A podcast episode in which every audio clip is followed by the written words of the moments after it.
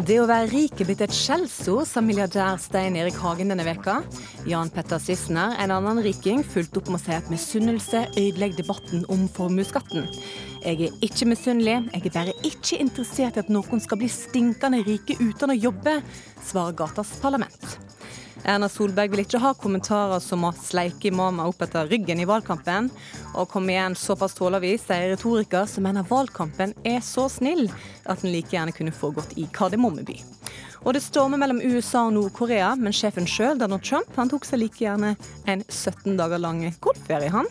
Smart, mener Carl I. Hagen. Jeg tror det er veldig veldig fornuftig, for da kan man gå alene uten avlytting og uten noe styr og uten noe press osv. Velkommen til ukeslutt her i NRK P1 og P2. Jeg heter Sara Victoria Rygg og inviterer straks til kakeselskap for verdensmester Karsten Warholm. Men vi starter sendinga med å diskutere milliarder av kroner. Eller i alle fall de som har milliarder av kroner. Ja, du syns ikke det er synd på de rike i Norge? Nei, gud altså. Hvordan kan det være mulig å være synd på de rike? Ja, Forbanna tull, sier jeg. Begredelig å høre at noen kan prestere å si det Hagen sier. Og han burde skjemmes, altså. Og det tror jeg folk flest syns òg. Og hvor rik skal man bli før man blir fornøyd? Hallo. La dem få betale 50% skatt òg, for min del. Det bryr ikke jeg meg noe om. Jeg er veldig synd på dem. Ja, du syns det? Ja, kjempesynd på dem. Ja. Hva, hva er det som gjør at det er så synd på dem? Jeg er sarkastisk. Herlig å være styrtrik og ha godt humør. Er du en av dem som er det? Eh, nei, jeg har bare hørt det.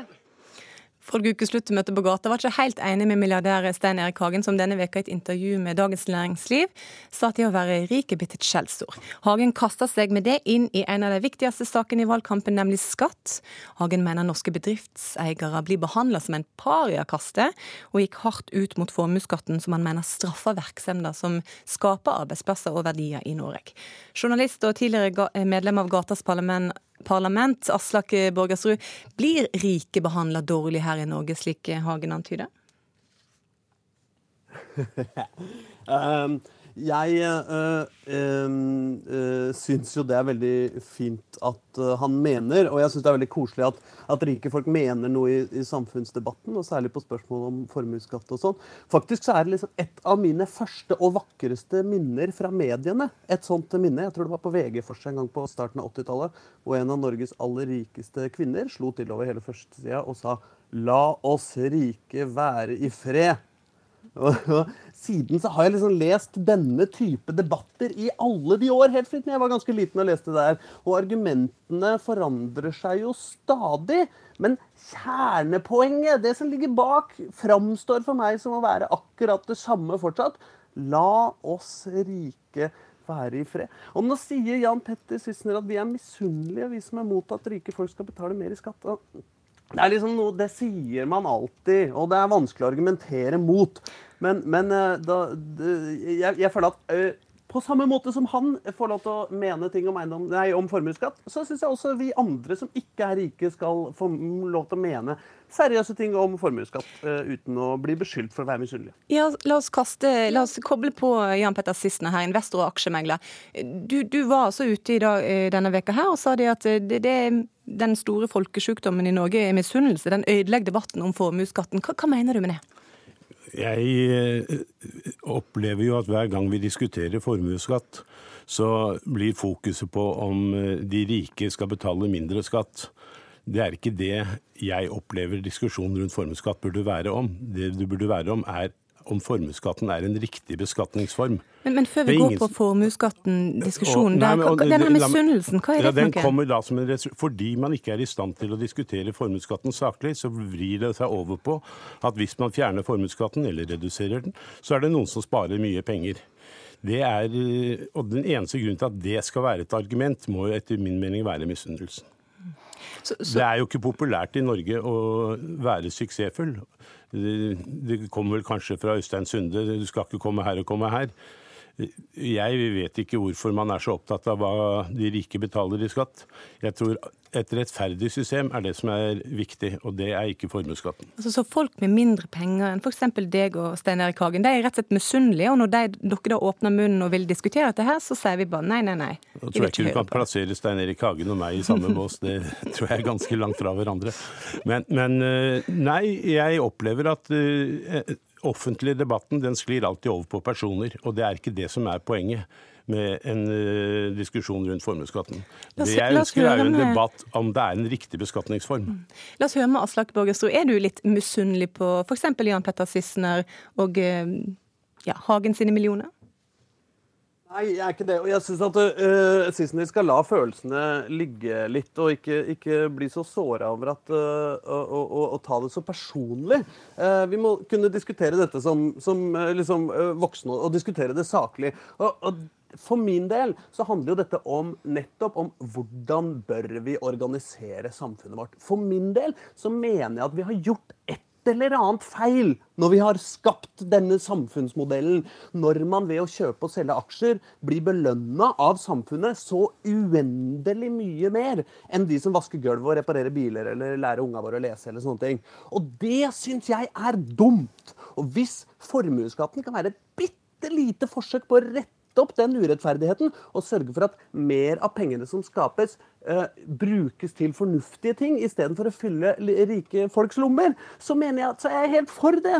Og det vi trenger, er å tenke og grave og finne på flere måter å skattlegge store formuer og veldig rike folk på, for å få bedre fordeling i samfunnet og et mer rettferdig samfunn hvor flere av godene kommer tilbake til den som faktisk har skapt dem, og ikke folk som, som, eh, som, som bare flytter penger.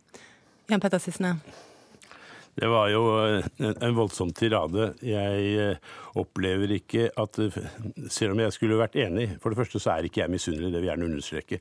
Men jeg opplever ikke at eh, det å ha formuesskatt utjevner de skjevhetene i inntekter som skapes, enten som du kaller ved å flytte penger om og vasker gulvet gulv i en butikk det er mange andre måter å korrigere det på. Og det ingen, jeg vil bare understreke det å fjerne formuesskatten er ikke noe, un, et, noe, ønske om å betale mindre skatt. Det er et ønske om å betale en annerledes skatt.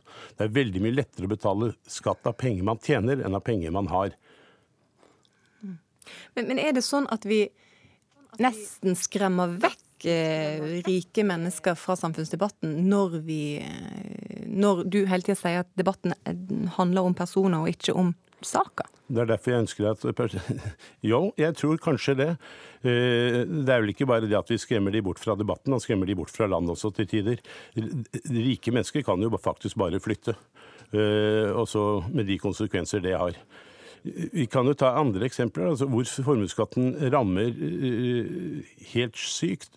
Hadde vi hatt et Tesla i Norge, så måtte altså Tesla betalt et par milliarder kroner i året i utbytte bare for at aksjonærene skulle betale formuesskatten sin.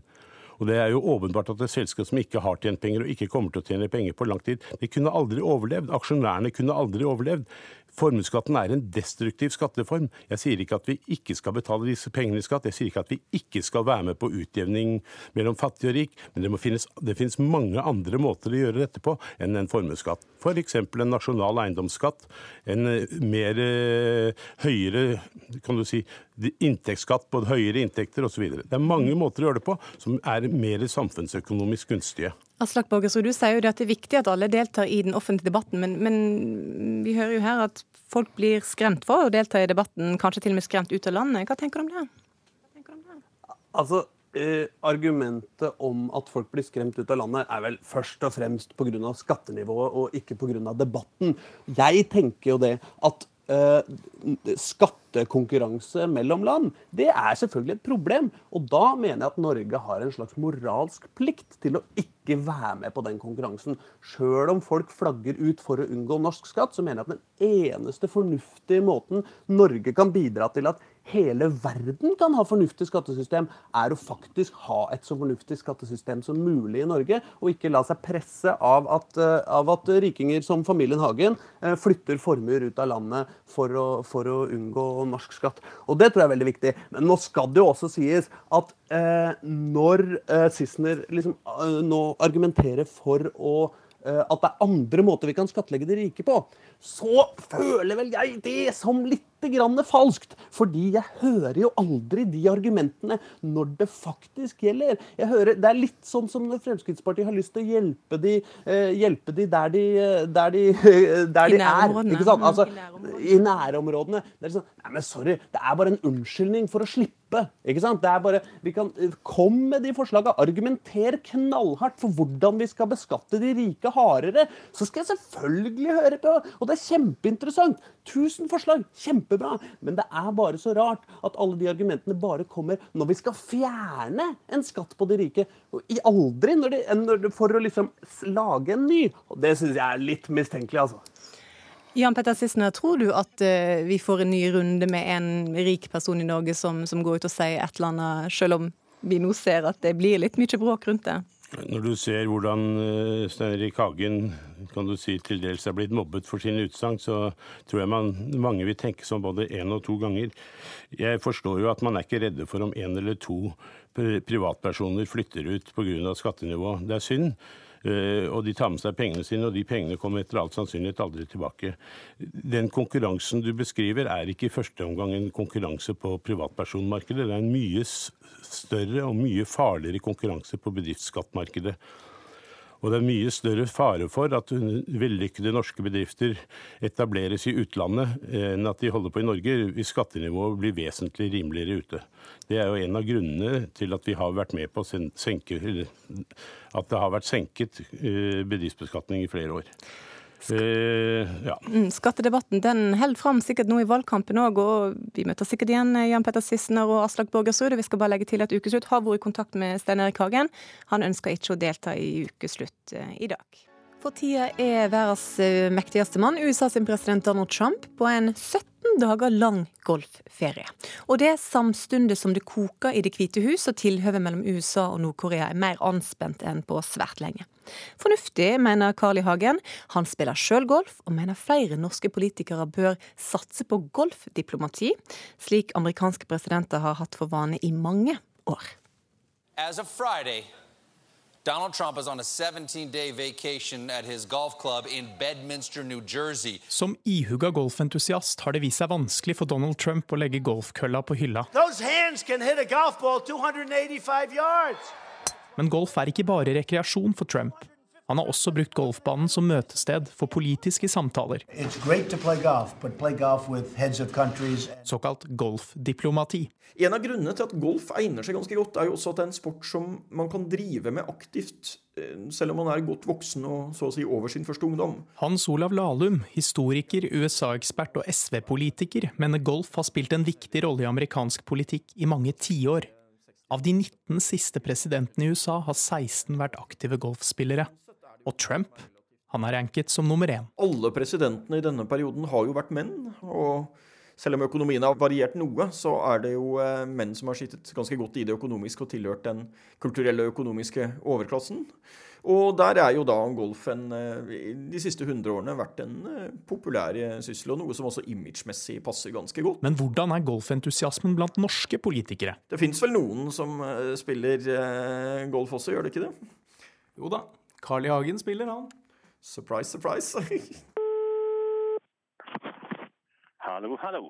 Nå må jeg slå et slag inn på, inn på grinden her et lite øyeblikk. Direkte fra en solfylt golfbane i Torrevieja på den spanske Costa Blanca-kysten er Carl I. Hagen godt i gang med en nihullsrunde. Hvordan gikk det? Ikke godt nok. Ligger 15 meter fra flagget. Hagen er ikke i tvil om at Trumps golfdiplomati er en god idé. Jeg tror det er veldig veldig fornuftig, for da kan man gå alene uten avlytting og uten noe, styr og uten noe press osv. Da kan man kanskje føre bedre samtaler enn det som skjer i full offentlighet. Det er en, det er en spesiell sport. Det er veldig stor konsentrasjon, veldig nøyaktighet, det er fin mosjon. Stille og fredelig og rolig. Golf er i dag Norges fjerde største sport, med om lag 100 000 medlemmer i Det norske golfforbundet.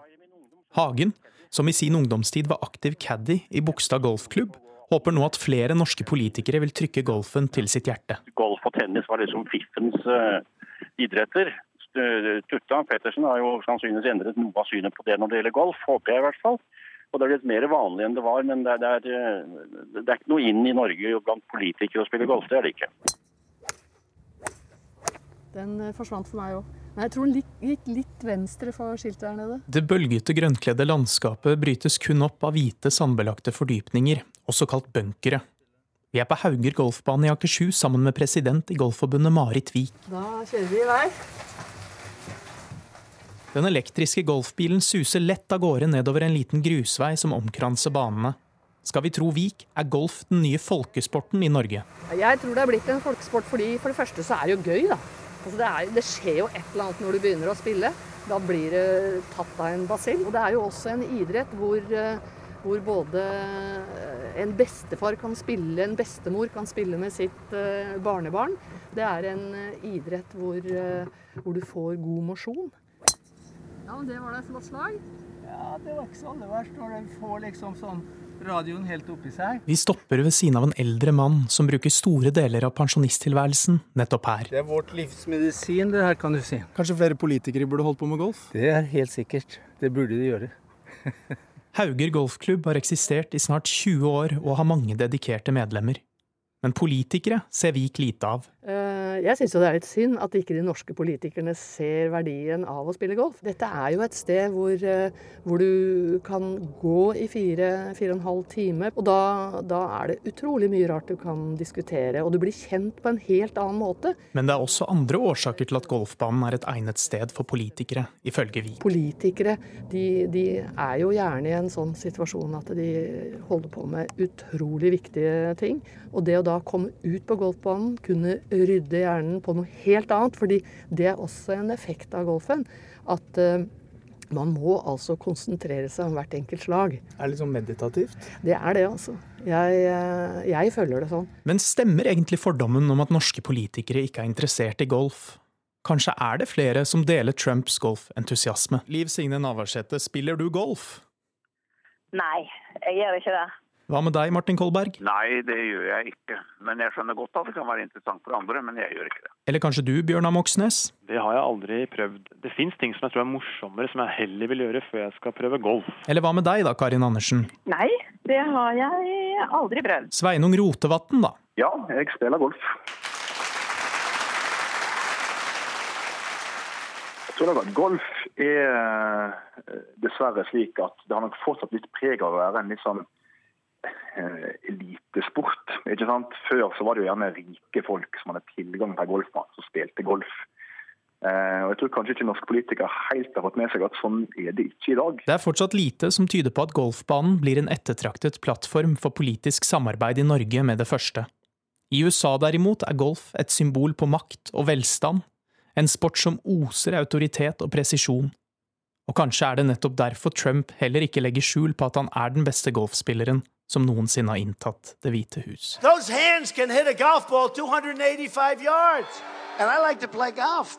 You know, it's, I'm a good golfer, believe it or not. Og den som jakter på norske golfpolitikere, det var reporter Fredrik Låke. Høy temperatur blant politikerne, frekke kommentarer og hissige debatter det tyder på at vi nærmer oss stortingsvalget med stormskritt. Her kommer en liten oppsummering av ukas politiske høydepunkt. Det jeg registrerer at Hareide og mange andre politikere bruker tida si på, det er å gå og sleike disse her opp etter ryggen, i stedet for å konfrontere folk med ekstreme holdninger. Men, men de får ikke noen, kommet av de får seg ikke noen betydning for det du og i mener store politisk. deler av De verden får så ingen er det betydning. Nei, Vi prøver oss med en av gangen de siste Jeg mener at det blir sagt ting der som ikke bør sies i en norsk valgkamp, som ikke tilhører den retorikken vi bør ha mot hverandre. Dette begrepet som eh, Listhaug bruker om å sleike imamen opp etter ryggen, hva, hva syns du om ordbruken?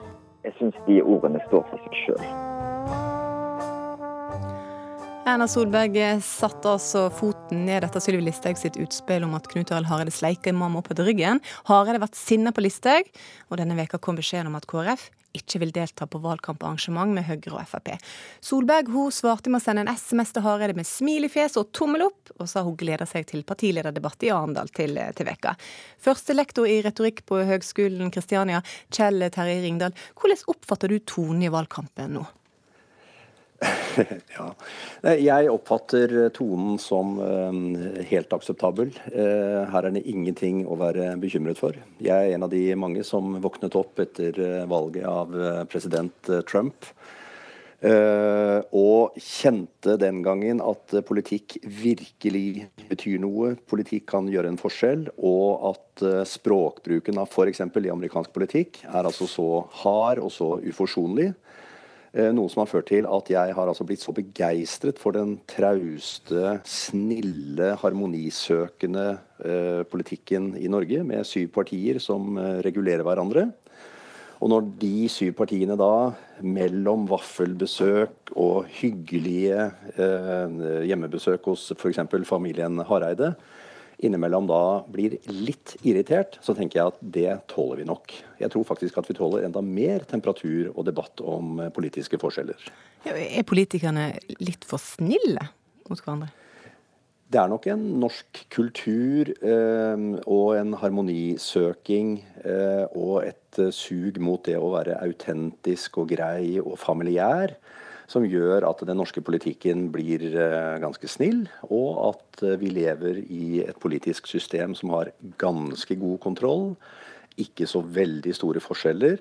Eh, og med en grunnleggende aksept for tidligere vedtak. Altså I Norge så får vi ikke debatter om hvorvidt man skal skrote handlingsregelen eller pensjonsreformen.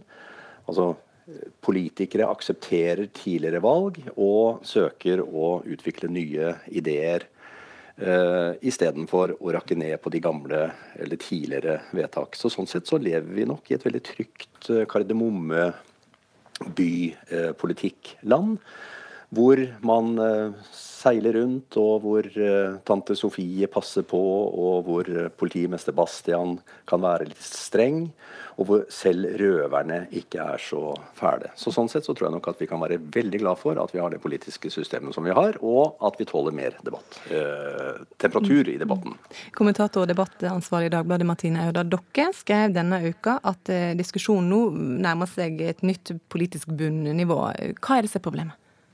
Nei, altså Jeg må jo først innrømme at jeg syns det høres så fint ut når Kjell Terje Ringdal legger ut om dette her. Og det er jo paradoksalt å komme her som debattansvarlig for en tabloidavis og ønske meg mindre temperatur i debatten. Eh, jeg er jo ellers eh, veldig glad i at politikere er spissformulerte. Men jeg syns likevel at den måten eh, Sylvi Listhaug nå har perfeksjonert sin debatteknikk på, er en forsøpling av den offentlige samtalen. En opplyst eh, debatt krever at man som et minimum forholder seg noenlunde til hva den andre mener og sier, og at man foretar en utveksling av argumenter. Eh, og det Politisk kvarter eh, onsdag ble så eklatant eksempel på, var hvordan hun setter opp et fiendebilde bestående av påstander, feilaktige påstander om hva motstanderen mener, hamrer løs med en ordbruk som ikke hører noe sted hjemme, og i hvert fall ikke fra en ansvarlig statsråd til partilederen i et samarbeidsparti som de er helt avhengig av. Og deretter nekter å la han komme til orde, nekter å lytte til hva han sier, og nekter å svare på noen spørsmål fra programlederen. Og på den måten så får du ja, du får liksom enkelte soundbites som kan gå ut i nettavisene, og som folk kan være enige eller uenige i om hva Sylvi Listhaug mener. Men du får også en debatt som blir helt umulig å forholde seg til for alle som ønsker en god debatt der man kan la det beste argumentet vinne. Hun fikk jo litt kjeft av sjefen sin, Erna Solberg. Og det er jo veldig oppsiktsvekkende. Eh, Erna Solberg har jo vært eh, veldig forsiktig med å kritisere noen av sine statsråder. Og når hun nå går ut og altså Vi hørte jo et klipp av noe av det hun sa, men hun sammenlignet jo også Listhaugs språkbruk med kommentarfelttrollene og sa at dette ligner det jeg får i sosiale medier etter å ha besøkt moskeer. Og det er klart, Dette er et stort problem for Erna Solberg hvis store prosjekt er å samle et bredt borgerlig samarbeid. Kjell Terje Ringdal, du sier at litt, litt mer temperatur, det tåler vi. Men er det ikke sånn at vi kan miste fokuset på det som faktisk er viktig her, nemlig politikken, når, folk, eh, når politikerne krangler så voldsomt og mm. hiver rundt seg med kommentarer?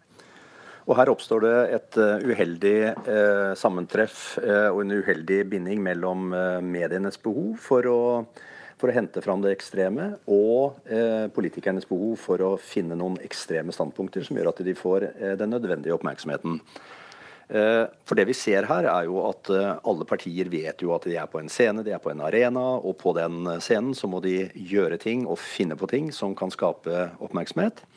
Og sånn sett så blir en valgkamp alltid eh, en kamp mellom faktiske saker og følelser. Altså Man kan jo tro at uh, Politikken, valgkampen handler om skatt og forsvar og skole og utdanning. Mens det mange politikere, og da kanskje spesielt eh, Fremskrittspartiet og Sylvi Listhaug har forstått, er at eh, det er følelser. Altså det å lure seg inn bak de rasjonelle argumentene og de rasjonelle sakene. Og hente fram redselen og frykten og det nye og det usikre. Og sånn sett finne begreper og historier som kan nøre opp under denne frykten for det nye.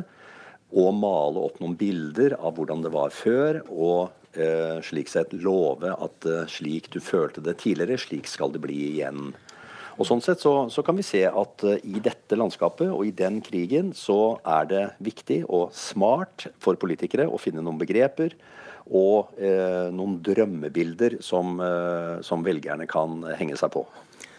Martine Audal, tonen i debatten var kanskje litt eh, hard, men tonen i SMS-utvekslinga mellom Erna Solberg og Knut Arild Hareide, den var jo hyggelig?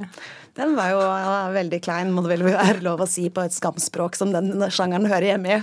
Uh, nei, altså Forrige gang vi så noen SMS-er fra Hareide, var det vel på nynorsk. Så det er jo ikke en tilfeldig SMS-utveksling her. Eh, og den litt eh, mer godlynte varianten av å skylde på mediene, som vi så gjennom dem her. Jeg syns de mediene lager litt mye bråk av dette. Men det er jo også helt klart at Erna Solberg ville ønske at alle disse fire partilederne kunne fremstå samlet inn i denne valgkampen, og hun vet at dette fortsatt regjerings fortsatt regjeringsmakt vil være absolutt avhengig av minst et av samarbeidspartiene og Frp samtidig. og Dette er jo derfor dette er blitt et så stort problem. Mm. Du nevnte Kardemomme by, Kjell Terje Ringdal. La oss spinne litt videre på den tanken. Regissør Mathias Kalmeier, la oss bevege oss inn i Kardemomme by. Hvordan ville du ha regissert en nyinnspilling av den kjente historien med politikerne våre i hovedrollen? Ja, altså, Casten blir jo veldig, veldig viktig da, når man skal gjøre en, en sånn nyinnspilling. Så eh, jeg har jo tenkt en del på det. Ja, og Hvordan kommer man fram til, eh, til casten? Ja, så Noe gir seg sjøl. F.eks. frøken tante Sofie er jo en soleklar rolle for jo Erna. Sant? Det blir jo sånn Og huffa meg, og huffa meg, jeg er så sint som fy, for alt er bare tøys og tull i Norgesbygd og by. Eh, skjønner du? Ja, jeg skjønner. Og hva, hva andre roller snakker vi om? Ja, for eksempel pølsemakeren. Det, det måtte jo bli hos Siv, da. Sånn. Herr politimester, herr politimester, røverne har vært i butikken min og røvet alle skinkene mine, og dette går ikke lenger, jeg vil ha dem selv. Og bakeren, da? Ja, det blir jo bare én som har pondus nok til den rolla, og det er jo Skei Grande. Ja, så det hører man jo på navnet.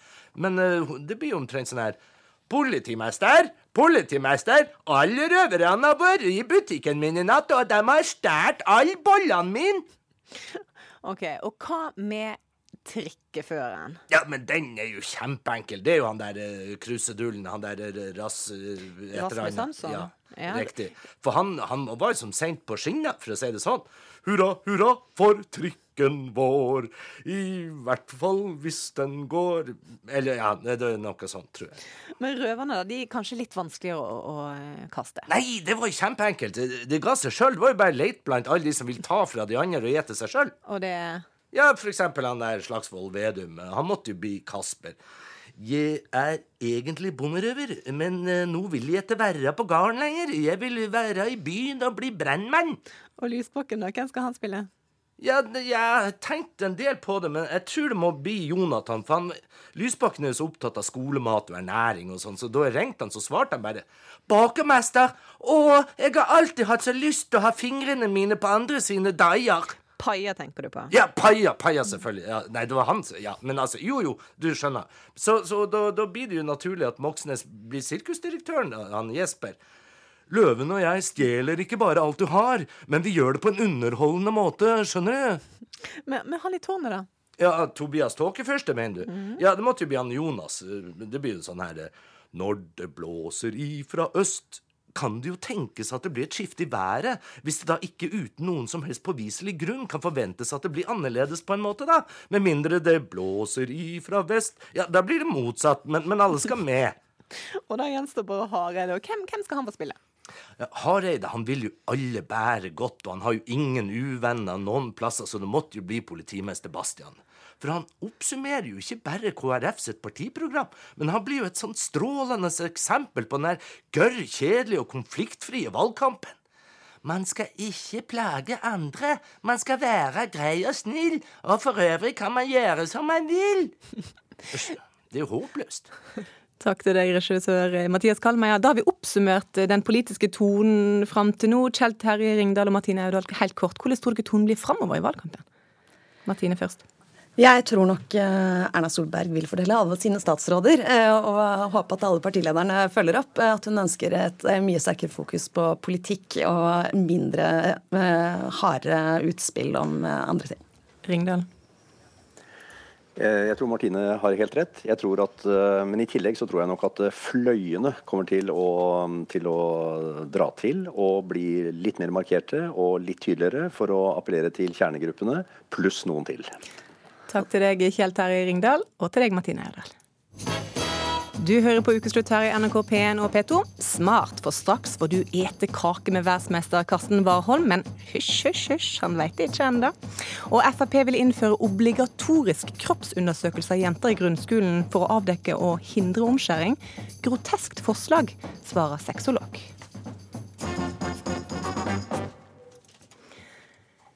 Frp vil altså innføre obligatorisk kroppsundersøkelse av jenter, og, av jenter i grunnskolen for å avdekke og hindre omskjæring. Ifølge Unicef så øker tallet på kjønnslemlester med 70 millioner fra 2014 til 2016. Silje Hjemdal, du er stortingskandidat for Frp. Hvorfor vil dere ha en slik obligatorisk undersøkelse?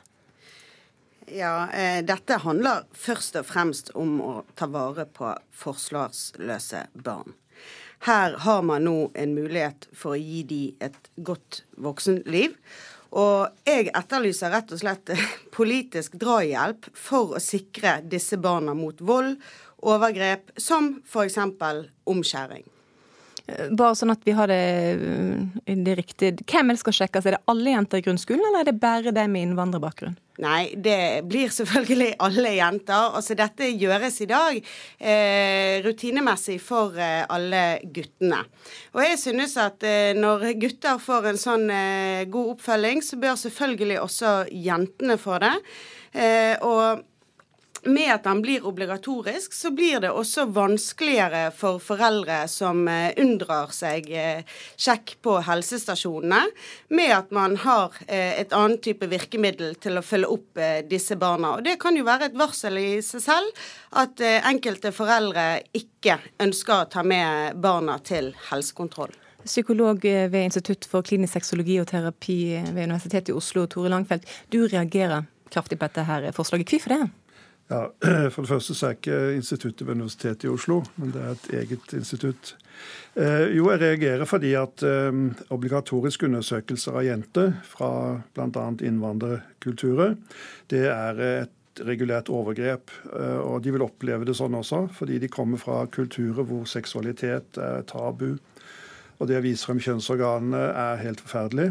Og det betyr at eh, en sånn tvungen eh, undersøkelse vil bli betraktet som et overgrep.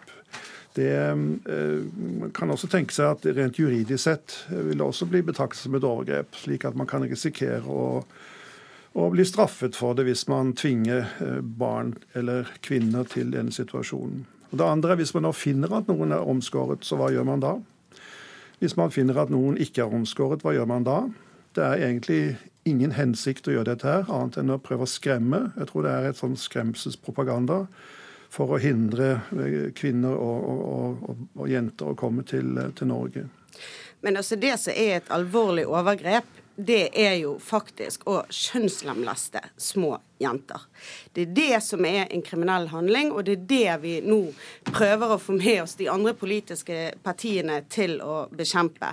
Og jeg vil si at det er en litt hard påstand å si at det er et alvorlig overgrep mot eh, jenter å ha en helkroppsundersøkelse. Og så det eh, dette forslaget innebærer, det gjør jo det at eh, når man skal veies og, og, måles, så gjør man dette uten klær. På samme måte som man gjør eh, med guttene. Og dette gjøres på veldig mange eh, små barn i dag. Og det vil jo si det at store deler av norske barn eh, ifølge deg da, i dag allerede er utsatt for alvorlige overgrep fra Altså, helsestasjonene. Gutter sjekkes ikke om hvorvidt de er omskåret eller ei. Det er jo det man måtte gjøre da, hvis man skulle sammenligne dette her med jenter. Så omskårede gutter Gutter har i dag en rutinemessig helse, helsesjekk Ja, in, der man som, gjør dette uten ingen som berører kjønnsorganene til ungene. Nei, men har jeg sagt at noen skal berøre kjønnsorganene til disse jentene? Ja, du må jo det hvis du skal sjekke om de er omskåret. Nei, jeg har sagt at vi ønsker en obligatorisk helkroppsundersøkelse. Eh, og det forslaget som eh, meg og Fremskrittspartiet har snakket om, det er det at eh, du gjennomfører en undersøkelse hos helsesøster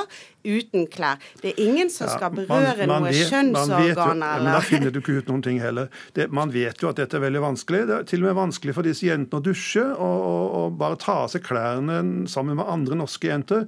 Man får begynne der, tenker jeg, og ikke tvinge de til eh, full kroppsundersøkelse. Det syns jeg er et overgrep. og Jeg tror at det juridisk sett også vil bli sett på som det. Men du snakker om at eh, jentene kan oppfatte dette her veldig krenkende. Det var to barneleger i 2007 som publiserte en studie der de hadde spurt var det 119 jenter om hvordan de opplevde å få underlivet sitt undersøkt.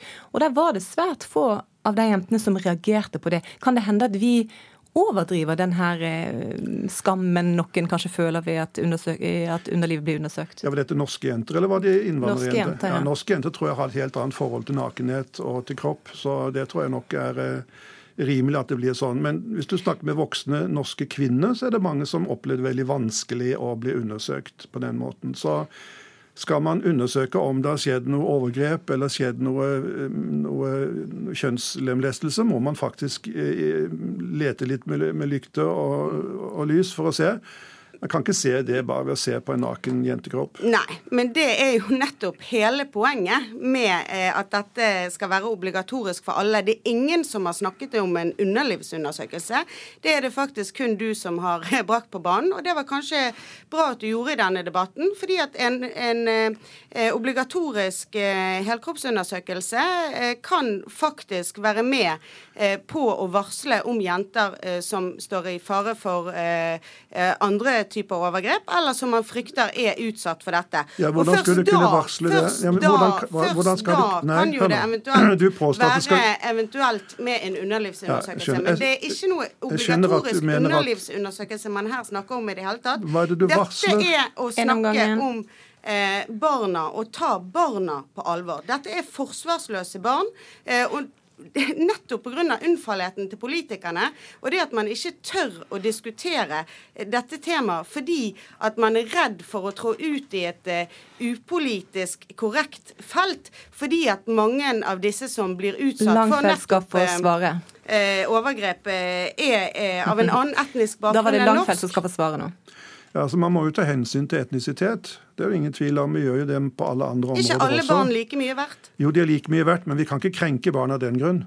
Men de har jo rett på et godt voksenliv, de også. Hvis vi kan redde barn fra overgrep i barndommen, så kan det gi dem nettopp et godt liv videre. Tore Langfelt, dersom du, jeg skjønner at du ikke mener dette her er veien å gå, hvordan skal en da avdekke den type, eller forhindre den type overgrep mot barn? Altså Det beste er jo å komme eksempel til et land hvor man er negative innstilt til kvinnelig omskjæring. Husk på, det omskjæres kvinner i Afrika i bøtter og spann. Det er utrolig mange. I Egypt tror jeg det er oppe i over 90 Så nytter ikke å, å skremme noen her oppe. Vi må faktisk ta dette for ramme alvor, og så må vi sette i gang og støtte de organisasjonene, feministbevegelsene bl.a., som jobber både i disse landene for å prøve å hindre omskjæring hjemme.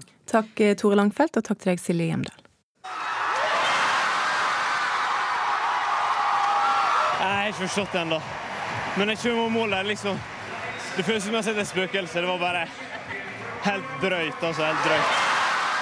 Onsdag denne veka fikk Norge en ny idrettshelt da Karsten Warholm sprang inn til et overraskende gull på 400 meter hekk under VM i friidrett. Reporter Mathias Bergseth han spurte tre kjente idrettsentusiaster om hvor de vil plassere prestasjonen i norsk idrettshistorie.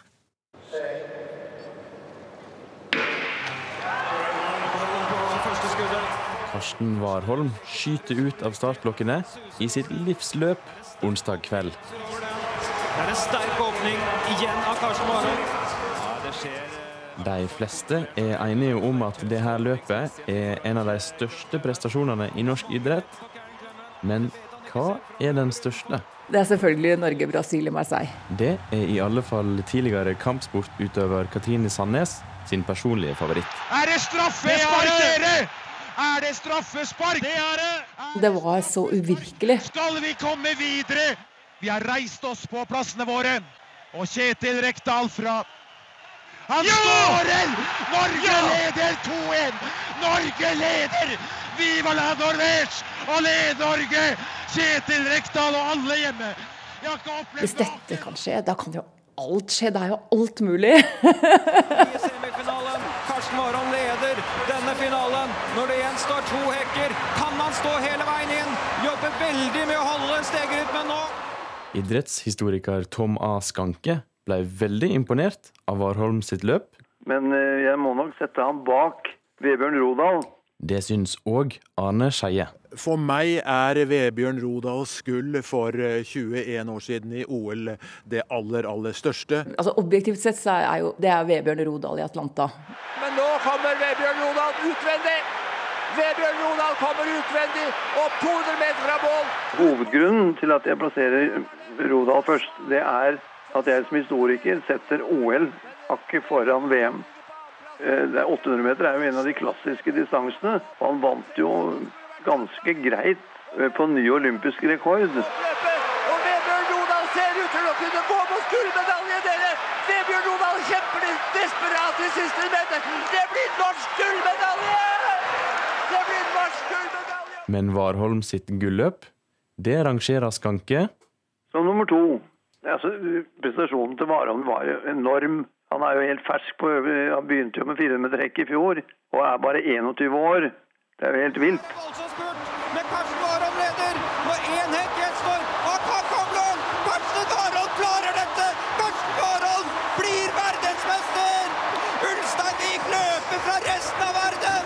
I dag, når det er så ferskt, så vil, eh, så vil jeg jo plassere den veldig høyt. Kanskje på fjerdeplass. Verdensmester! Han løper inn til VM-gull! Karsten Warholm, for en idrettsmann! En av de største prestasjonene i norsk idrett. Gullet til Warholm er eh, et av de største øyeblikkene norsk idrett har vært igjennom. Det er det ingen tvil om. Jeg må innrømme at jeg, jeg, blir liksom, jeg syns det er helt fantastisk at man nå i en alder av liksom 45 år kan liksom kjenne på den der barnslige, hysteriske begeistringa som man egentlig trodde at man var blitt for gammel til. Så takk, takk for det. Det er vakkert, Karen Marie. Ja, jeg begynner å grine! Verdensmester Karsten Warholm, velkommen til ukeslutt og gratulerer. Mange takk. Hvordan er det å bli slått av Vebjørn Nordal?